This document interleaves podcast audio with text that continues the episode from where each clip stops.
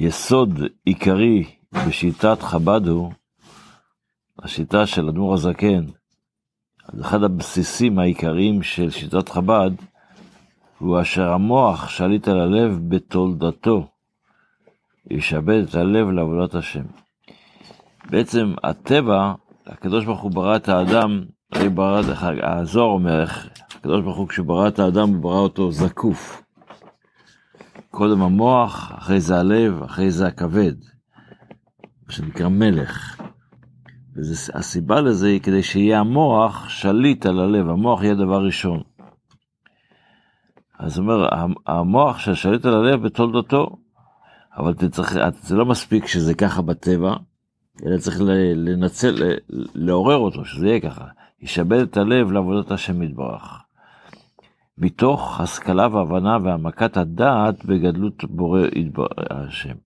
זאת אומרת, אתה צריך לעשות את זה תוך התבוננות, אתה לא יכול להגיע, זה ככה, אני בטבע, ככה, כן, אני מאמין בקדוש ברוך הוא, ישראלים מאמינים, בני מאמינים, זה לא יספיק.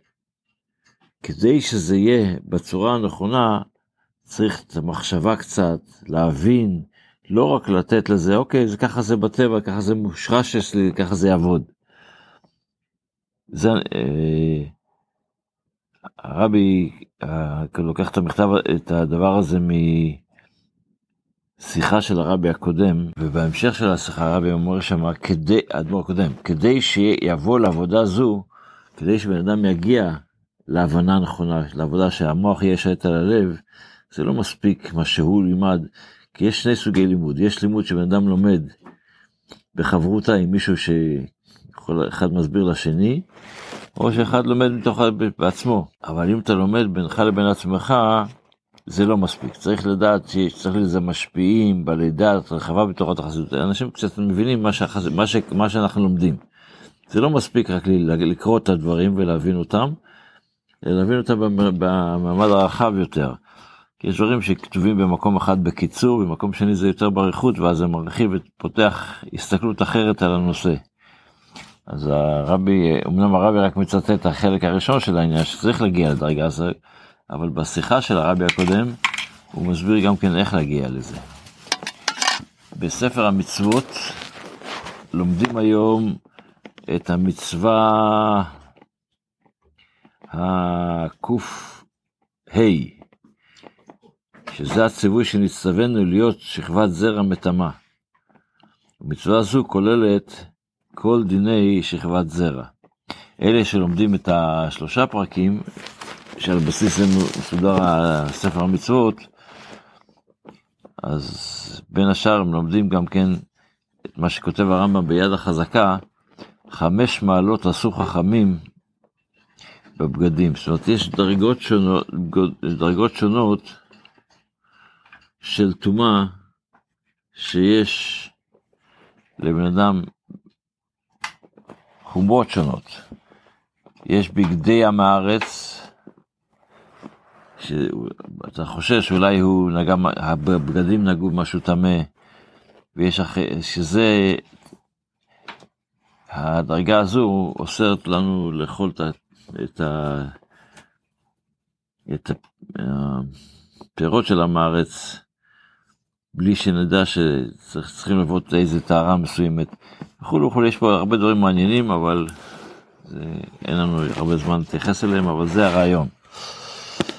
בתפילה אנחנו היום, במשך הקטורת, אז אנחנו אומרים, תניא רבי נתן אומר,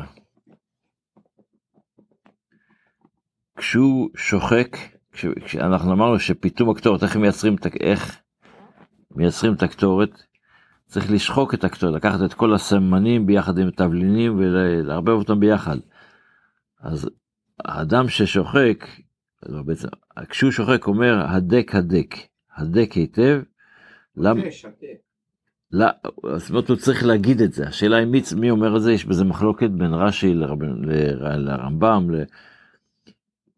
האומר את זה זה הממונה, האיש האחראי על בית המקדש שאומר לו, כשהוא רואה אותו לעשות את זה, הוא אומר לו הדק הדק, או שהאדם עצמו שעושה את זה, מדבר עכשיו לקטורת, מדבר לתבלינים, מדבר לסמנים.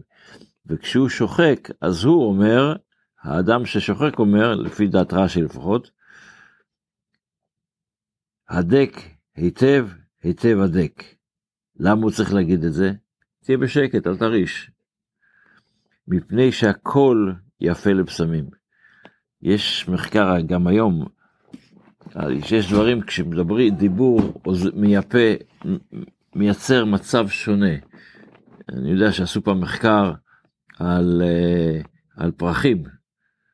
שמו בחדר אחד פרחים ושמו להם מוזיקה.